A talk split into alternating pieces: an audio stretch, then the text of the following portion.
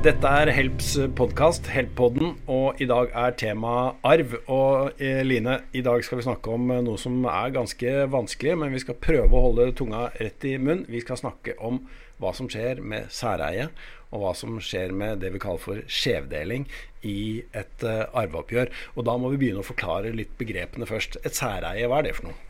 Ja, Særeie, det er en eh, ting eller en verdi som du eh, har mottatt i arv eller gave, eller har avtalt med ektefellen din at skal være bare din.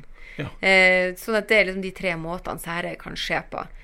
Enten at testator har bestemt i testamentet, eller at det er bestemt av giver, eller at du har avtalt det sjøl med ektefellen din. Ja, for en som har testamentert meg en eh, hytte, f.eks., kan bestemme at det skal være mitt særeie. Riktig. Eller så må ektefellene avtale i en såkalt ektepakt at det skal være mitt særeie, og det skal være ditt særeie. Ja.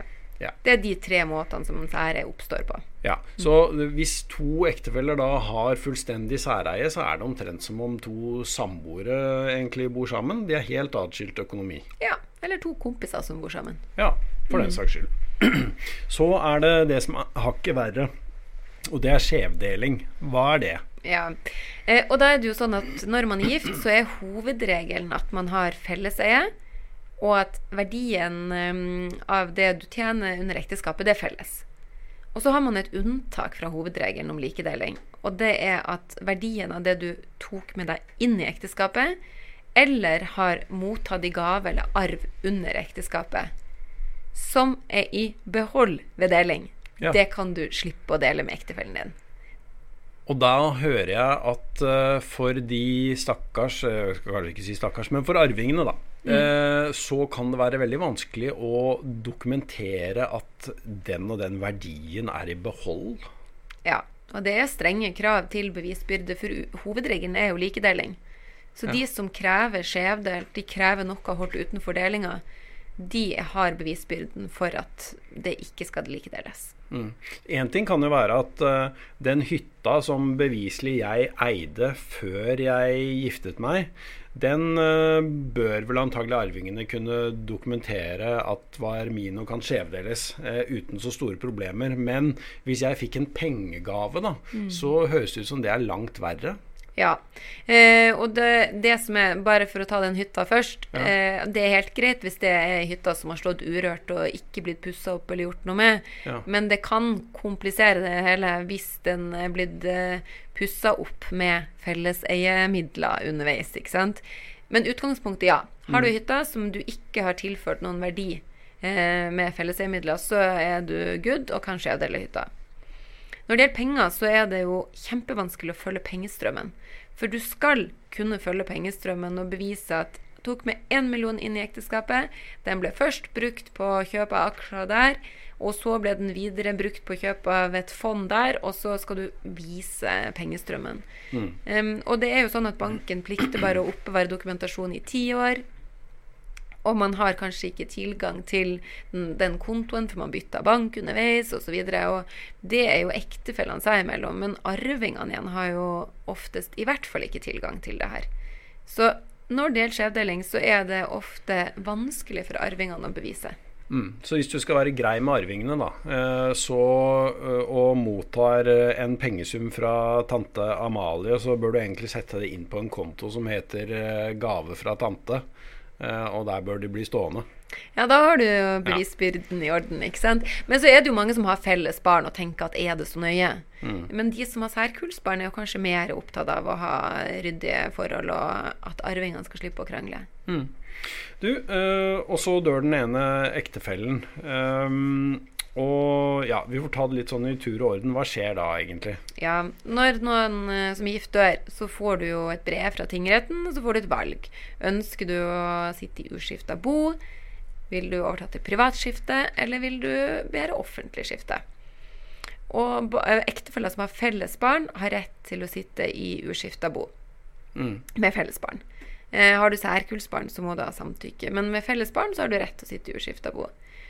Og da er det litt forskjell på skjevdelingsreglene og særreglene. Fordi du har rett til å sitte i uskiftebo med skjevdelingsmidler. Det gjør at begge sine skjevdelingsmidler egentlig forsvinner. Og så bare deler man alt i to.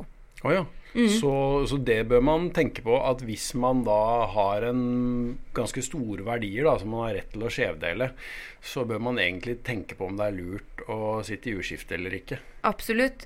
Jeg tenker Hvis du mister ektefelle når du er ung, og så har det lengstlevende et høyt skjedelingskrav, da vil jeg tenke meg godt om før jeg velger urskifte. Mm. Så det, det, er noe du må tenke gjennom. Det er mange som syns at det er enkelt å bare signere på erklæring om urskifte, smukke ut, men vi bruker å anbefale alle å gjøre en liten sånn et regnestykke for å vurdere om det er den beste løsninga.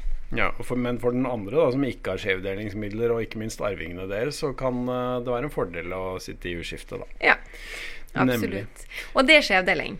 Uh, og da er jo over på særeie. Og der er det viktig å vite at du ikke har rett til å sitte i urskifte med førsteavdøde sitt særeie, med mindre det er bestemt eller avtalt. Så hvis testator har bestemt at eh, ektefelle kan sitte i urskifte med, med særeie, så er det jo greit. Eller hvis man har avtalt det i ektepakten der særeie er avtalt via en ektepakt, så kan man det. Men hvis det ikke er avtalt eller bestemt, så har du ikke rett til å sitte i urskifte med første av døde sitt særeie. Nei, men jeg kan bestemme i mitt testament altså at, den, at, det og det som er mitt særeie, det skal min ektefelle ha rett til å sitte i urskifte med. Ja, hvis det er du som har avtalt i ektepakt at særeie skal være ditt særeie. Mm. Men du kan ikke overkjøre mm, en testator som har bestemt det for deg. Nei. Ja, ok. Ja, som sagt, dette er uh, komplisert. Uh, ok, hva mer må vi uh, nå si? Ja, så det vi kan si da, det er å tenke deg grundig om. Hvis urskifte er, er, det du har eh, tenkt at skal være det lengstlevende dere gjør, så tenk, mm. må du tenke litt eh, på om det er en god løsning. Um, og så har vi da snakka om urskifte, og så må vi jo videre til skifte. Mm. For det er jo egentlig først med deling at skillet mellom særeie og skjevdeling virkelig eh, viser seg. Når ja, man det, lever sammen, så har det jo ikke så stor betydning. For det som skjer når eh, en av partene dør, da, en av ektefellene dør, da, da må man på en måte foreta et skilsmisseoppgjør først. Ja. Du må dele mellom ektefellene for å finne ut hva arven etter førsteavdøde utgjør. Ja. Eh, fordi lengstlevende skal jo selvfølgelig ikke dele ut sine penger som arv, for det, er jo ikke blitt arv ennå. Eh, så for å finne ut hva arven etter døde utgjør, så må du dele et fiktivt skilsmisseoppgjør. Mm -hmm. eh, og i den delinga så må jo arvingene se på fins det et skjedelingskrav, Kan vi dokumentere at det er et skjedelingskrav, Og så må de fremme det. Det er ingen automatikk i at du får skjevdele hvis du ikke sier noe om det selv. Så du må fremme et skjevdelingskrav og bevise det. Eh, og er det særeie, så står det jo fort anmerka. Er det en eiendom, så står det kanskje i grunnboka. Eh, har du en mm. ektepakt, så vil det jo stå der. Så det er litt lettere å dokumentere det at det er et, et særeie der. Mm. Det høres egentlig eh, ut som om et godt råd fra oss i denne episoden, det kan være at for ettertiden så er særeie mye enklere å holde styr på enn skjevdelingskrav for mm. uh, arvingene. Ja, og det er viktig å huske også at man kan ha fullt særeie, og man kan ha delvis særeie. Mm, for enkelte ting eller verdier. Ja, for det er jo noen som syns at nå har vi nå valgt å gifte oss, og det er veldig romantisk. Skal vi da fortsette å leve helt økonomisk adskilt, og syns ikke det er noe hyggelig? Mm. Og da går det jo an å avtale særeie f.eks. på ei hytte som det er fryktelig viktig at blir i familien eh, til mm. den eller den. Og, altså, du kan ha delvis særeie. Ja. Mm.